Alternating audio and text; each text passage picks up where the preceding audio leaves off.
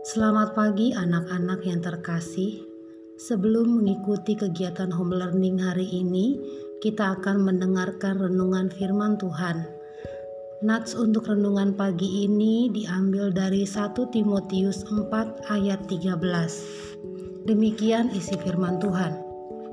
Sementara itu, sampai aku datang, bertekunlah dalam membaca kitab-kitab suci, dalam membangun dan dalam mengajar Judul renungan pagi kita untuk hari ini adalah Teruslah membaca dan belajar.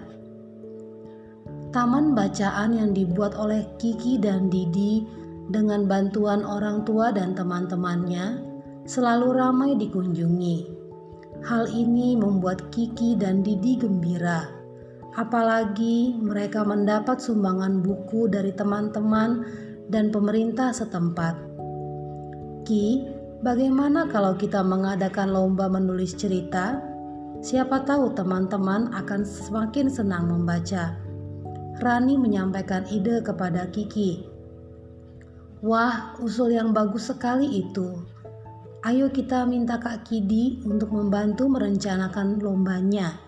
Ajak Kiki kepada Rani dan Didi.